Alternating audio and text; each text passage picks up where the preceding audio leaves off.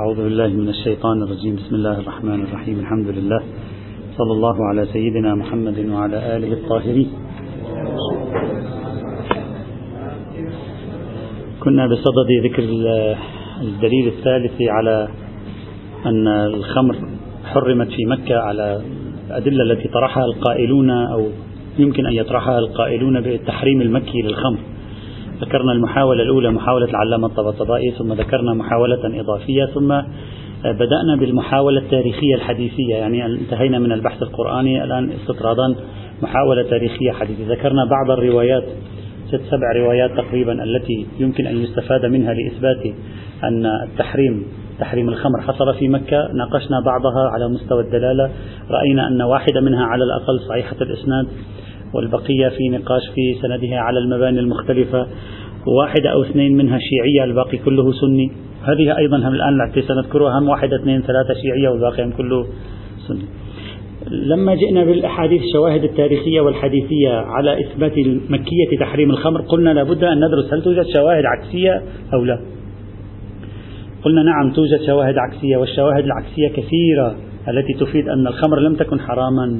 في مكة وإنما حرمت في المدينة أو على الأقل لم تكن حراما منذ أول البعثة آه، خلافا للمدة. أهم هذه الشواهد أولا قلنا خبر الشيخ الطبرسي في مجمع البيان مرسلا من أن آية لا تقربوا الصلاة نسخت بآية تحريم الخمر وهذه تدل على أن آية لا تقربوا الصلاة تدل على الترخيص فضلا عن أن تدل على عدم التحريم كما قلنا بالأمس. الرواية الثانية خبر علي عليه السلام هذه الرواية الثانية وردت في صحيح البخاري وفي مسند أحمد بن حنبل. خبر علي عليه السلام عن رسول الله صلى الله عليه وعلى آله وسلم. قصة طويلة. في آخرها يقول الإمام هكذا وذلك قبل تحريم الخمر. هذا يدل على أنه هناك فترة الخمر لم يكن فيها حراما ثم حرمت الخمر. الرواية الثالثة خبر علي عليه السلام. هذه الرواية الثالثة ذكرها الطبري في جامع البيان. وذكرها الحاكم النسابوري في المستدرك. قال دعانا رجل من الأنصار قبل تحريم الخمر. الإمام علي يقول دعانا رجل من الأنصار قبل تحريم الخمر. فحضرت صلاة المغرب فتقدم رجل فقرأ قل يا أيها الكافرون. فالتبس عليه. يعني بدل أن يقول لا, لا نعبد قل يا أيها الكافرون لا أعبد ما تعبدون. قال أعبد ما تعبدون كما جاء في رواية أخرى تذكرونها. التبس الأمر عليه فنزلت لا تقربوا الصلاة وأنتم سكارى وهذه الآية مطلعها الرواية صريحة يقول قبل تحريم الخمر الرواية الرابعة ما جاء في تفسير علي بن إبراهيم القمي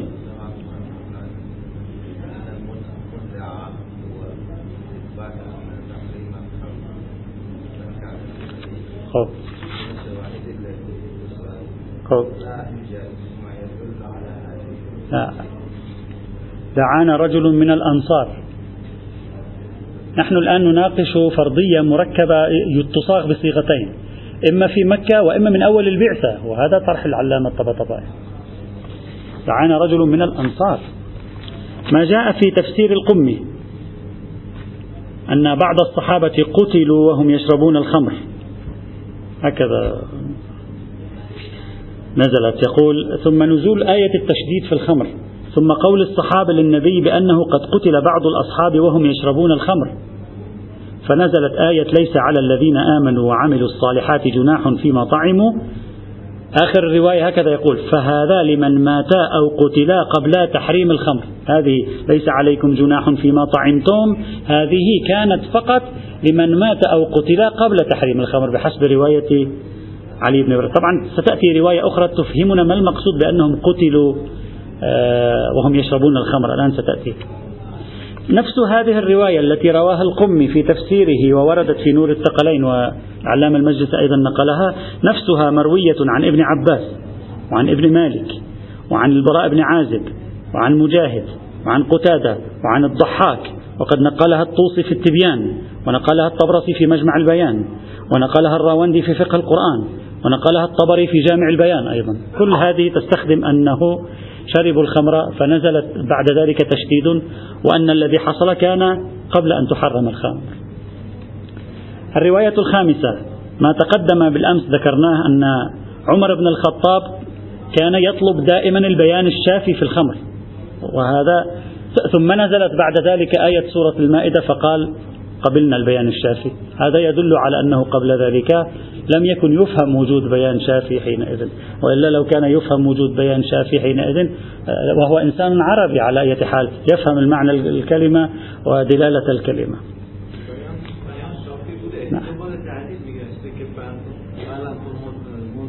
نعم. ليس تلك الرواية التي شج فيها رأس عبد الرحمن بن عوف الرواية الثانية التي ليس فيها حادثة الضرب ضرب عبد الرحمن بن عوف وإنما هكذا خلاصة الرواية. عمر بن الخطاب كان دائما يطلب من النبي البيان الشافي لتحريم الخمر فنزلت آية المائدة. وهذا يدل على ماذا؟ يدل على أن آية المائدة بحسب هذه الرواية هي البيان الشافي في تحريم الخمر بالنسبة إليهم.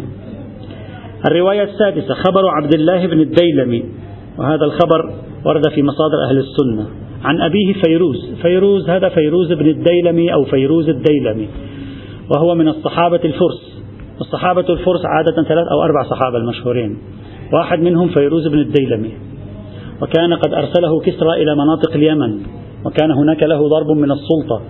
وفي بعض الروايات أنه طلب منه كسرى أن يذهب إلى النبي ويحضره فذهب إلى النبي فأسلم. هكذا في الروايات المروية تاريخيا عن إسلام فيروز الديلمي أو فيروز ابن الديلمي. يقول قدمت على رسول الله صلى الله عليه وعلى آله. وإن قدم قدم من اليمن لأنه هو كان استقراره في اليمن. فقلت يا رسول الله إنا أصحاب عنب أعناب وكرم. عندنا عنب وكرم. وقد نزل تحريم الخمر فما نصنع بها؟ قال تتخذونه زبيبا. يعني هذا اجى قال أنا عندنا عنب الان نزل تحريم الخمر ماذا طول يعني طول عمرنا نحن نصنع منه خمرا الآن نزل تحريم الخمر ماذا أفعل؟ أعطيني حل بعد نزول تحريم الخمر قال تتخذونه زبيبا قال فنصنع بالزبيب ماذا؟ سووا بالزبيب ماذا نفعل به؟ قال أراد يعطي النبي حل يستفيد به من الزبيب في الطعم الطيب وفي الوقت عينه لا يقع في الخمر قال تنقعونه على غدائكم وتشربونه على عشائكم. طبعا هذه الرواية بعدين لما نتكلم عن موضوع النبيذ موضوع فيه صراع كبير بين الأحناف والمسلمين. الأحناف قالوا المسكر ليس حرام إلا الخمر فقط. المسكر غير الخمر ليس حراما. الحرام السكر. يعني كل أنواع المسكرات غير الخمرية يعني غير المتخذة من العنب كلها حلال. ولذلك اليوم تجد بعض علماء أهل السنة وبعض شخصيات أهل السنة يخرجون على اليوتيوب وغيرها ويخرجون على الفضائيات ويتكلمون عن حلية المسكرات غير الخمر. عندما نتعرض لهذا الموضوع سنذكر أسماء يعني أسماءهم وأدلتهم لأن هذا موضوع من أطول الموضوعات في مسألة الخمر. يعني موضوع إشكالي حقيقي في, هذا السياق. لذلك الإمام النبي ماذا قال؟ قال تنقعونه على غدائكم. أي تأتون بالماء تضعون الزبيب في الماء متى وقت الغداء الصباح أو وقت الظهيرة مثلا. صباحا يقصد. لكن لا تتركونه تشربونه في العشاء. لماذا؟ في العشاء يكون طعمه طيب. طيب نشربه غدا؟ لا. ليش؟ سيأتي معنا لماذا هذه النكتة؟ لأنك إذا تركته للغد ازدادت التحلل الكيميائي فيه فصار مسكرا فالنبي كان ينبههم يقول لهم تنقعونه على في الغداء صباحا صبيحة اليوم ثم تشربونه في العشاء. لا تتركوه فترة طويلة. لماذا؟ لأن الجزيرة العربية بيئة حارة مناخ حار جدا. إذا تركت فيه الماء مع هذه المواد السكرية مثل الزبيب مثل التمر بسرعة تتفاعل. ليس مثل مناطق شمال الكرة الأرضية. فلست في موسكو حتى إذا خليتها؟ يمكن تبقى شهر أو سنة. أنت في مناطق شديدة الحرارة تتفاعل بسرعة. تفاعلها بسرعة يحدث تفاعل كيميائي يؤدي إلى ولادة نسبة كحولية معينة قد تسكر. فالنبي كان دائما ينبههم تنقعه في الصباح وتشربه في العشاء وتنقعونه على عشائكم وتشربونه على غدائكم في الصباح. وليس هذا إلا لأجل أن لا يقعوا في شرب المسكرين فإذا أعطى النبي علاج بعد أن نزل الخمر. إذا الرجل نزلت الخمر حرام فماذا نفعل؟ ما أجى له من أول وفيروز هذا لم يكن قد أسلم في مكة. أصلا لم يكن. هذا فيروز من عصر المدينة جاء إلى النبي في زمن المدينة كما هي قصة حياته المنقولة في كتب التاريخ أصلا. حتى أن كسرى طلب منه أن يأتي برأس محمد. يأتي برأس محمد أين؟ في مكة. في مكة لم يكن كسرى يمكن قد سمع بمحمد. كسرى سمع بمحمد لما استتب أمر محمد في المدينة. يعني بعد الهجرة. لا مسكر مش خمر مش الآن هي قضية المسكر والخمر عندما ننتهي من هذا البحث اليوم سنبدأ بما معنى كلمة الخمر في القرآن. سنبحثها الآن. هذه الرواية أيضا تدل على أنه الرجل إجا إلى المدينة المنورة قال يابا نزلت الخمر ماذا نفعل؟ النبي أعطاه علاج. الرواية السابعة خبر أنس بن مالك قال كان في حجر أبي طلحة يتامى واشترى لهم خمرا. شوف قديش كانت منتشرة. فلما نزل تحريم الخمر أتى النبي فذكر ذلك له. يعني معنى ذلك أنه ما كان في تحريم خمر ونزل تحريم الخمر صحيح؟ فقال اجعله خلا. قال لا ما أريد أجعله خلا. فأهراقه يعني أراقه. فأهراقه يعني أراقه. يعني اتركه هذا خمر. أنت إذا تركته يصبح خال. في طريقة لتحويله إلى خل هذا ما أراد. لك شو أسوي بالخل هذا؟ يعني الخل شو يسوي لي؟ الخل ما يسوي لي شيء. فأراقه ولم يأخذه. وهذا أيضا يدل على نزول التحريم متأخرا. خاصة وأن صاحب هذه الرواية أنس بن مالك. ولو كان أنس بن مالك شاهدا على هذه الرواية كما هو ظاهر السند أنس بن مالك في المدينة كان صغيرا. توفي سنة 94 الهجرة 94 للهجرة توفي. أنس بن مالك من أواخر الصحابة الذين توفوا. وكان خادم النبي في المدينة وكان صغيرا يعني ثمان سنوات عشر سنوات. ولذلك بعضهم يشكك في مرويات أنس بن مالك. يقول هذا الصبي. نأخذ منه كل هذه الروايات لعله فهم خطأ لعله فهم اشتباها لعله كذا. وهذا موجود هذا الجدل في كتب أهل السنة. مثل الجدل حول ابن عباس أنه كان صبي صغير في حياة النبي. أنس بن مالك ما معلوم يكون ولد في مكة. وكان في المدينة صغيرا صغير السن فهذه الرواية يرويها أنس معنى ذلك أن نزول التحريم متى كان؟ كان في المدينة. وهذا شاهد قوي أيضا على أن التحريم كان في المدينة. الرواية الثامنة. خبر عبد الله بن عمر. قال نزل تحريم الخمر وإن في المدينة يومئذ لخمسة, أش لخمسة أشربة ما فيها شراب العنب. طبعا هالرواية بعدين سنتوقف معها. يعني لما نزل تحريم الخمر لم يكن في المدينة شيء اسمه شراب العنب. يعني لم يكن عندهم مسكر العنب. ماذا كان عندهم مسكر التمر؟ مسكر الزبيب. الزبيب لا حتى الزبيب هذا احتمال ضعيف. مسكر التمر الأنبذة. بعدين راح يجي معنا لماذا في المدينة لا يوجد مسكر العنب؟ لأن المدينة ليس فيها كرم وأعناب. المدينة فيها نخيل. الكرم والأعناب في الجزيرة العربية في في في بلاد في شمال الجزيرة العربية. هجر الأحساء الطائف القصيم. هذه الأعناب. اليمن في في في المدينة لا يوجد أعناب. لذلك يقول عبد الله بن عمر لما نزل التحريم شوف هو يقول لما نزل تحريم الخمر. يعني ما كان في تحريم للخمر. وهذا الشاهد أنه ما كان. والمدينة حالها كان كذا وكذا. شاهد التاسع. خبر أنس بن مالك قال ما كان لنا خمر غير فضيخكم هذا الذي تسمونه الفضيخ. الفضيخ هو نبيذ التمر. الفضيخ هو نبيذ التمر. يقول لما ما كان لنا خمر غير فضيخكم. ما نعرف خمر العنب نحن. بعدين سيأتي معنا خمر العنب إذا كان موجودا في المدينة فهو فقط عند الأغنياء. لأن خمر العنب يفترض أن يكون قد أتاهم من بعيد بالتجارة أتاهم من الطائف. أتاهم من القصيم البعيد عنهم مئات الكيلومترات. أو أتاهم من الشام البعيد عنهم مئات الكيلومترات. الذي سيشتري هذه الخمور سيكون معه فلوس.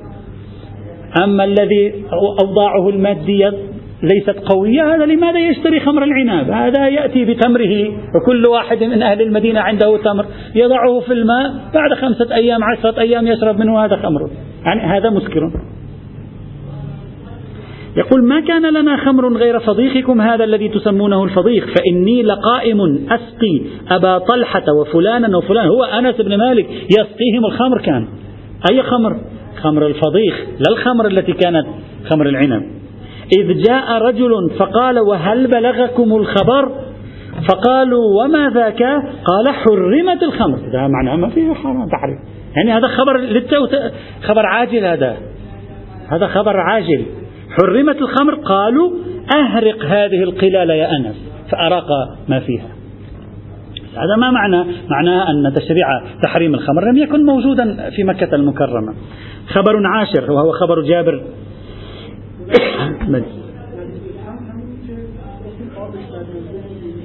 بل بل خبر جابر صبح أناس غداة أحد.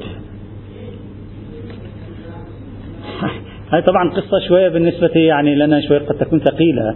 يقول صبيحة يوم أحد صبح أناس من المسلمين شربوا الخمر. فقتلوا في أحد. يعني هذا رايح قاتل وهو ما عارف حاله رايح يمين أو رايح شمال.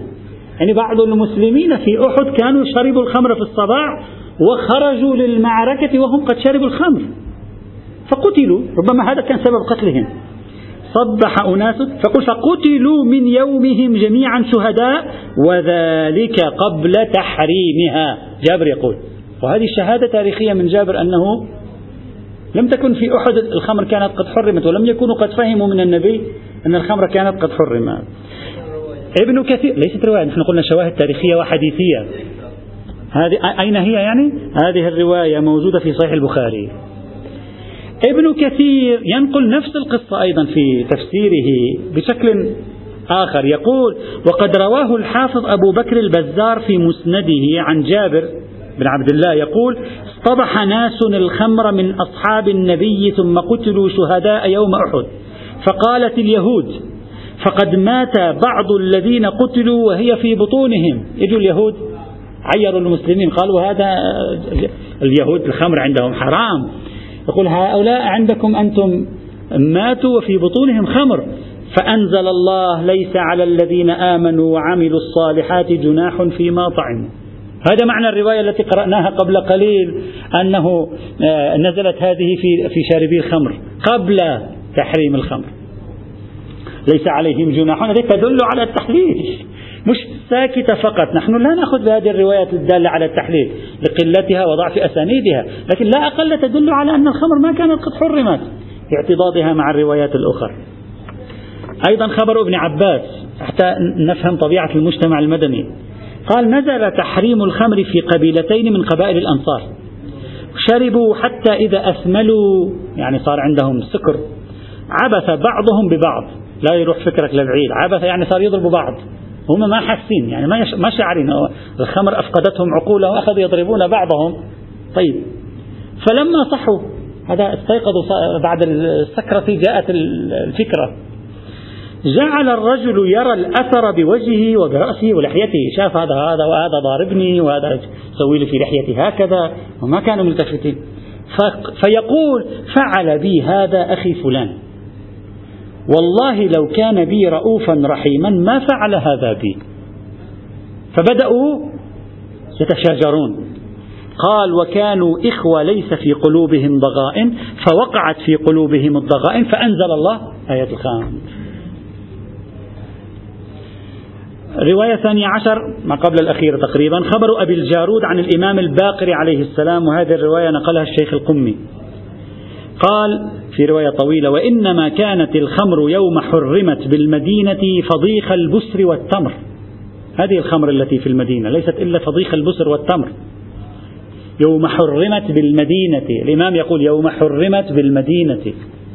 فلما نزل تحريمها خرج رسول الله فقعد في المسجد ثم دعا بآنيتهم قصة أنه اكفؤ أريق الأواني وخلاص لا تشربوا منها. وهذه الرواية أيضا عن الإمام الباقر تشير إلى أن التحريم لم يكن موجودا ثم جاء.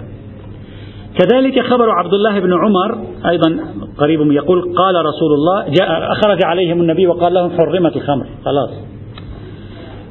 وغيرها من الروايات الأخرى الكثيرة كما قلت أنا جمعت 13 14 رواية فقط من باب يعني تكثير الشواهد. وإلا الروايات التي فيها مثل هذا النوع من الإشارات كثيرة جدا. بينها أربع خمس روايات موجودة في المصادر الشيعية والباقي كله في المصادر السنية تواجه الروايات التي تدل على تحريم الخمر في مكة أو في أول البعثة. وقلنا تلك الروايات حوالي ست روايات بينها اثنان شيعية والباقي هم أيضا سنية. القلة شيعية والأكثرية أيضا سنية. الآن أنا أمام مجموعتين من الشواهد التاريخية والحديثية. مجموعة تقول التحريم في مكة أو في أول البعثة مجموعة تقول التحريم في المدينة وفي فترة حتى متأخرة عن معركة بدر أيضا. ما هو السبيل لحل هذا التعارض التاريخي في المعطيات؟ ما الذي ينبغي علي أن أفعله؟ يمكننا أن نذكر محاولتين ثلاث محاولات, محاولات لحل هذه المشكلة. المحاولة الأولى أن نقول هذه النصوص في المجموعة الثانية مخالفة للقرآن. لأننا فهمنا من القرآن تحريم الخمر في مكة ببركة آية سورة الأعراف. قل حرم رب إنما حرم ربي الفواحش ما ظهر منها وما بطن والإثم. والإثم يعني الخمر. كما يقول علامة الطبطبائي كما طبقها العلامة الطبطبائي إذا أنا عندي آية قرآنية تشير إلى أن التحريم في مكة. وعندي المجموعة الثانية هنا تشير إلى أن التحريم قطعا في المدينة. هذه المجموعة الحديثية تعارض نصا قرآنيا نطرحها بمعارضتها لكتاب الله تبارك وتعالى. فنشك في كل هذه الروايات التي قرأناها قبل قليل. قد شخص يحاول أن يطبق هذا الأمر. والجواب هنا مبنائي. وذلك أننا قلنا بأن آية سورة الأعراف حتى لو ضممناها إلى آية سورة البقرة وإثمهما أكبر من نفعهما. لا تنتج ولا تنتجان التحريم المكي للخمر والشواهد التي ذكروها كلها الشواهد القرآنية التي ذكروها كلها محل مناقشة وذكرنا سبع مناقشات على محاولة العلامة الطبطبائي في هذا المجال فلا نعيد. فإذا هذه المحاولة الانتصار لآية الأعراف ورفض الروايات التاريخية والحديثية في المجموعة الثانية غير صحيحتين. المحاولة الثانية. نحن نحاول أن نطرح محاولاتها لحل المشكلة. أن نقول روايات المجموعة الأولى من الشواهد كلها ضعيفة الإسناد إلا رواية واحدة. صحيحة الإسناد وهي الرواية الأولى. أول ما نهاني عنه ربي ثلاث. شرب الخمر وكذا وكذا. فإذا أنا في المجموعة الأولى أمام رواية صحيحة تعضدها أربع خمس روايات ضعيفة. في المقابل جميع هذه الروايات الموجودة في المجموعة الثانية ضعيفة من حيث الإسناد. والحجة لا تعارض غير الحجة. هذه حجة فيها رواية صحيحة الإسناد وتلك ليست بحجة ليس فيها رواية صحيحة الإسناد. فلا تصل النوبة إلى حل التعارض. لا, لا, لا معنى للحديث عن تعارض والتوفيق وحل المشكلة أصلا. هذه المحاولة يمكن أن نلاحظ عليها. أولا هذه مبنية على حجية خبر الواحد الثقة بعنوانه وليست مبنية على حجية الخبر الموثوق. عندما تفكر بذهنية أنا عندي رواية صحيحة وخلاص وكل ما هو غير ذلك لا يعنيني فأنت مثل السيد الخوي تؤمن بحجية خبر الثقة بعنوان أن الوثاقة هي معيار الحجية والوثاقة غير متحققة إلا في الخبر الأول من المجموعة الأولى. أما إذا بنينا على ما هو الصحيح من أن معيار الحجية هو الوثوق أو معيار الحجية هو الوثاقة والوثوق معا كما هو مسلك, مسلك السيد الشهيد الصدر. ففي مثل هذه الحال لا يمكنني أن أغض النظر عن عشرين رواية ولو ضعيفة الإسناد تعاكس رواية واحدة صحيحة الإسناد. لا يمكن.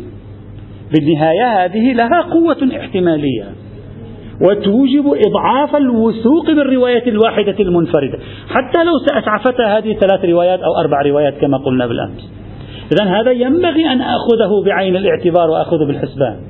بصرف النظر أين وردت هذه بالنهاية هذه روايات تاريخية. وكما هذه الروايات بعضها القليل شيعي والباقي سني تلك هم أيضا بعضها القليل شيعي والباقي سني. حتى لا تقول لي هذه الروايات مصنفة مذهبيا. هذه للشيعة وتلك للسنة. لا هذه فيها شيعة وسنة تلك هم أيضا فيها شيعة وسنة. لا فرق بينهما. فإذا بناء على حجية الخبر الموثوق بصدوره لا أستطيع أن أتعامل مع الموضوع هكذا كأنني إذا فتحت الرادار لا أرى إلا الرواية الصحيحة والبقية كأنما ليس لهم وجود. لا البقية تؤثر على قوة الوثوق بالرواية والمعيار هو قوة الوثوق بالرواية. بل حتى لو قلنا بحجية خبر الثقة وقد بنى كثيرون كثير من القائلين بحجية خبر الثقة. على أن خبر الثقة حجيته مشروطة بإفادته الظن. فإذا عندي كل هذه المرويات المتعاضدة من المصادر الكثيرة المتنوعة حديثية شيعية تفسيرية سنية على عكس مفاد هذا الخبر الآحادي فإن ذلك يوجب ضعف قوة الظن فيه. وبالتالي حتى على مباني حجية خبر الثقة ربما أحيانا يتأمل في إمكان الاستناد إليه في هذا المجال بل أكثر من ذلك إذا كانت هذه الرواية الصحيحة السند تحتمل كما قلنا بالأمس أن تكون بيانا للأحكام الشخصية للنبي، لأنه يقول أول ما نهاني ربي. لماذا لا تكون المجموعة الثانية بكثرتها الكاثرة شاهدا على حمل هذه الرواية على التكليف الشخصي؟ فتكون تلك المجموعة في قوتها المتراكمة مضعفة لدلالة هذه الرواية. يعني يمكن الجمع حينئذ فلماذا؟ أقول لا يوجد إطلاقا آه، معيار لإمكانية التوفيق والضم في مثل هذه الحال. هذا فضلا عن أننا ذكرنا ثلاثة شواهد قرآنية على أن التحريم كان في مكة. فتكون الرواية صيحة السند هي المعارضة للقرآن. لا أقول معارضة للقرآن مرجوحة باحتمالية معارضتها للقرآن. نتيجة الشواهد الثلاثة يسألونك التي تكلمنا عنها بالأمس. إذا لا يصح أن آخذ القضية على خبر آحادي صحيح الإسناد ثم أنسى تمام القرائن المحيطة بالموضوع ولو كانت ضعيفة الإسناد رغم أنها كثيرة متوفرة. الفرضية الثالثة أن نقول إن المجموعة الثانية لا حجية لها. والمجموعة الأولى هي الصحيحة لماذا؟ لأن المجموعة الثانية ليس لي ثقة بها من الأول لماذا يا مولانا ليس لك ثقة بالمجموعة الثانية؟ نقول كما قال بعض المعاصرين نقول لأن المجموعة الثانية جعلت لتبرئة بعض الخلفاء والصحابة من شربهم الخام يعني أنا فقدت الوثوق في المجموعة الثانية. ليس لي ثقة بالمجموعة الثانية التي تصف أن الخمر نزلت في المدينة. لماذا ليس لي وثوق أصلا؟ لماذا احتماليتها ضعيفة فلا تقوى على مواجهة الوثوق في المجموعة الأولى؟ احتماليتها ضعيفة لأنني أعتبر أنها أن خلفها مؤامرة وأن خلفها مصلحة. قلنا بالأمس بعضهم هكذا يحاول يقول بعض بعض الكتاب المعاصرين عنده منهج لا أريد أذكر اسمه الآن. وهو من الذين انتصروا لهذه. عنده منهج أنا أسميه منهج الفكر الاستخباراتي البوليسي في قراءة صدر الإسلام. يعني دائما هو يعتبر كل كتبه هكذا يعتبر أن ثمة خطة تحت الأرض زيرزمينية تحاك في مطابق وكالات الاستخبارات الأساسية في عند الفريق الآخر وهذه الخطة بطريقة خفية تم رسمها خلال 200 سنة نجحت. دائما في كل القضايا لو تقرأ كتبه هكذا. هنا يطبقون هذه القضية. أن هذه خطة محكمة بوليسية استخباراتية لنشر هذه الأحاديث لكي تبرر فعلة بعض الصحابة في أنهم كانوا يشربون الخمر. لا أريد أن أقول ما دليلك على ذلك. أقول إذا كان ثمة مصلحة من وراء تبرير فعل بعض الصحابة خصوم الصحابة في, في تاريخ الإسلام أيضا لديهم مصلحة في تكريس أن التحريم قد وقع في مكة لإدانة الصحابة الذين شربوا الخمر. وهؤلاء يعني هؤلاء معرون من المصالح هؤلاء أيضا احتمال المصلحة موجود. ما في أحد معرى من المصالح. ثم لو كان هؤلاء لديهم مصالح لماذا بثوا روايات؟ أصلا روايات شرب الخمر من قبل بعض الصحابة هي هذه. أصلا روايات شرب الخمر من قبل بعض الصحابة هي هذه الروايات التي تتكلم عن نزول التحريم في المدينة. قل لماذا من الأول بثوا روايات شرب الخمر؟ فليخفوها وقد رأينا بالمناسبة وقد رأينا أن أنصار مدرسة الخلافة سعوا كثيرا لتبرئة أبي بكر بشخصه من شرب الخمر. فلو كانت عندهم مشكلة في أصل لو كان عندهم مشكلة في موضوع التبرئة لماذا صنعوا هذه الروايات أصلا؟ هو أصلا الروايات التي تتكلم عن أن الصحابة شربوا الخمر هي نفس هذه الروايات التي أنت تقول وضعوها للتبرئة. ومن الأول لا يضعونها.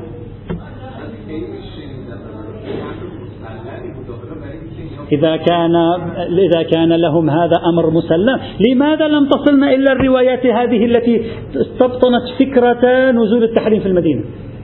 لماذا لم تصل لو كان أمرا مسلما واضحا. لماذا لم تصلنا القصة من خارج السياق أن التحريم نزل في المدينة. يعني من خارج السياق التبريري الذي وراءه مصلحة.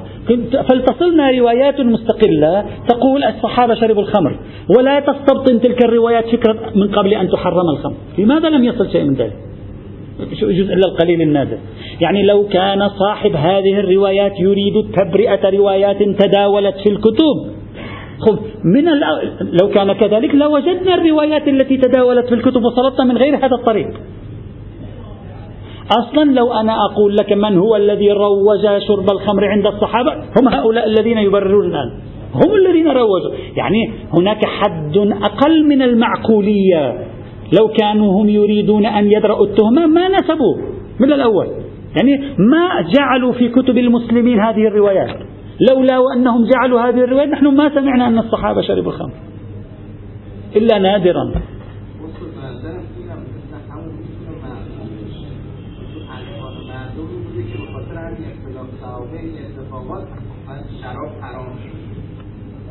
ها شوف شيخنا. لا لا أنتم لا أرجو أن تلتفتوا إلى النقطة.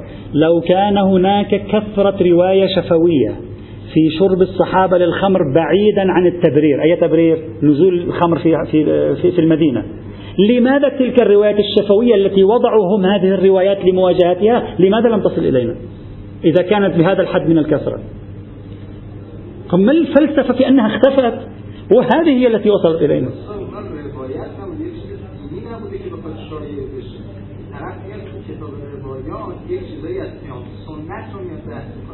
سنت نیست كتب هذه الروايات كثير منها في كتب التاريخ أيضا.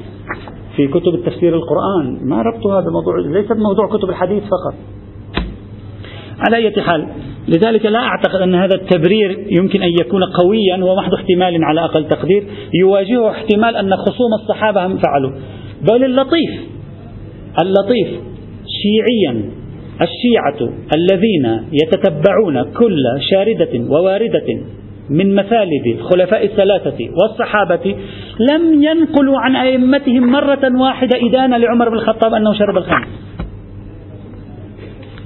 إذا كانت القضية قضية أولئك يريدون التبرئة لماذا الشيعي لم يذكر الإدانة في كتبه ولا مرة واحدة جعل هذا من إداناتهم. معنى ذلك أن الشيعة يدركون في القرون الأولى أن تحريم الخمر جاء متأخرا وأنك لا يمكنك أن تدين عمر بن الخطاب لأنه شرب الخمر لأن شرب الخمر جاء قبل التحريم. وهذا يثبت ما أريد. وهو هذا الذي أريد أن أثبته. أن الشربة جاء قبل التحريم هو هذا الذي أريد أن أثبته. يعني بالنهاية أصل إلى فإذا المقاربة التاريخية أردت أن نحلل الموضوع تاريخيا يبدو أن هذه المحاولات للخروج من المشكلة غير مسعفة وبالتالي أنا أمام تعارض الشواهد. لا يحصل لي وثوق لا بهذه ولا بهذه. نتيجة لم يثبت نزول التحريم في مكة. أنا لا أريد أن أثبت نزول التحريم في المدينة. لا أريد أن أنتصر للمجموعة الثانية. أنا أريد أن أقول لم يثبت نزول التحريم في مكة. إذا المحاولة الأولى لإثبات نزول التحريم في مكة محاولة العلامة الطبطبائي لم تثبت. المحاولة الثانية المحاولة التي أضفناها بقرينة كلمة الأنصاب والأزلام لم تثبت. المحاولة الثالثة هي الشواهد الحديثية والتاريخية لم تثبت أيضا. إذا النتيجة ليس عندي دليل على تحريم الخمر في مكة أو من أوائل البعثة. وليس عندي دليل على يعني لا أقول عندي دليل على نفيها بشكل خاطئ لكن ليس عندي دليل. نتائج البحث في موضوع حكم الخمر. استنتجنا ما يلي. واحد حرمة الخمر ثبتت بشكل جلي واضح في القرآن بنص آية المائدة. أما الآيات الأخرى ليست التحريم فيها جليا. اثنين المقدار المؤكد هو أن التحريم نزل في المدينة. أما نزوله قبل ذلك فهو لم يثبت. ولا نريد أن أدعي ثبت عدمه. ثالثا إن المسلمين كانوا بعض منهم بعض منهم يشربون الخمر أو على الأقل يشربون المسكر غير الخمر قبل نزول التحريم. وهذا شائع في, في الروايات التاريخية والحديثية. رابعا الآيات الأخرى غير سورة المائدة لا تشكل دليلا على الترخيص في شرب الخمر. ولا تشكل دليلا على التحريم بعضها يشكل تمهيدا للتحريم. وبالتالي نحن نكون من القائلين بصحة النظرية التي تقول بأن تحريم الخمر جاء تدريجيا في الإسلام. تحريم الخمر جاء تدريجيا. يعني خلاصة كل هذا البحث ضمه إلى بعضه يثبت أن المقولة الشائعة التي تقول بأن تحريم الخمر بالفعل جاء تدريجيا في الإسلام وهو ما ذهب إليه بعض علماء الإمامية أيضا مثل الشيخ ناصر مكالم شيرازي يؤمن بالتدريج بمعنى أنه لا يؤمن بأن التحريم كان في مكة مثل الشيخ البلاغي في كتاب آلاء الرحمن بل كذلك الفيض الكاشاني أشار إلى ما يوحي بذلك أيضا. هذا ما يتعلق. نحن نبحث الآن في المحور القرآني الأول حكم الخمر والمسكر في القرآن. بحثنا الآيات الأربع ودلالاتها الأساسية. بحثنا في المرحلة الثانية متى نزل تحريم الخمر وهوية التحريم. هل هو تحريم من أول البعثة أو متأخر؟ هذا ثانيا النقطة الثالثة الأساسية في موضوع الخمر يعني في المحور الأول ما هو الخمر؟ ما هو الشيء الذي حرمه القرآن؟ أنا أقول لك القرآن حرم الخمر ما معنى الخمر أصلا؟ هذا لوحده فيه مشكلة. البحث في ما هو الشيء الذي حرمه الله تبارك وتعالى في القرآن يدور بشكل مركز على كلمة الخمر لأنها هي الكلمة التي استخدمتها آية سورة المائدة واستخدمتها آيات أخرى أيضا. فما معنى الخمر؟ سنبحث في معنى الخمر في ثلاث مستويات. سأقسم البحث هكذا. المستوى المعجمي اللغوي. سنرى في المعاجم اللغوية ماذا تعطينا المعاجم في دلالة كلمة الخمر؟ المرحلة الثانية بالترتيب. المرجعية التاريخية في معنى الخمر يعني الشواهد التي في كتب التاريخ أو تحدثنا عن الوقائع التاريخية. ماذا تعطيني من دلالات حول معنى الخمر؟ في العصر القرآني لما نزلت الآية. ثالثا المرجعية الحديثية. يعني أبدأ أولا بالمعجم بالمعجمية اللغوية أثني بالمرجعية التاريخية أثلث بالمرجعية الحديثية كتب الحديث يعني الروايات التي عن النبي وعن أهل البيت عليهم الصلاة والسلام. ثلاث خطوات يجب أن نستكملها حتى ينتهي البحث. خطوة واحدة لوحدها لا تكفي. الخطوة الأولى المرجعية اللغوية المعجمية. ماذا تعطينا كتب اللغة في هذا الموضوع؟ ما معنى الخمر أصلا؟ في كتاب العين قال خمر اختمر الخمر أي أدرك. يبدو راح يأذن المؤذن حتى لا نشطر البحث. إلى يوم السبت إن شاء الله غدا لا يوجد درس مع العذر. أنا عندي أمر. إن شاء الله يوم السبت. نبدأ بتحليل المعجمين.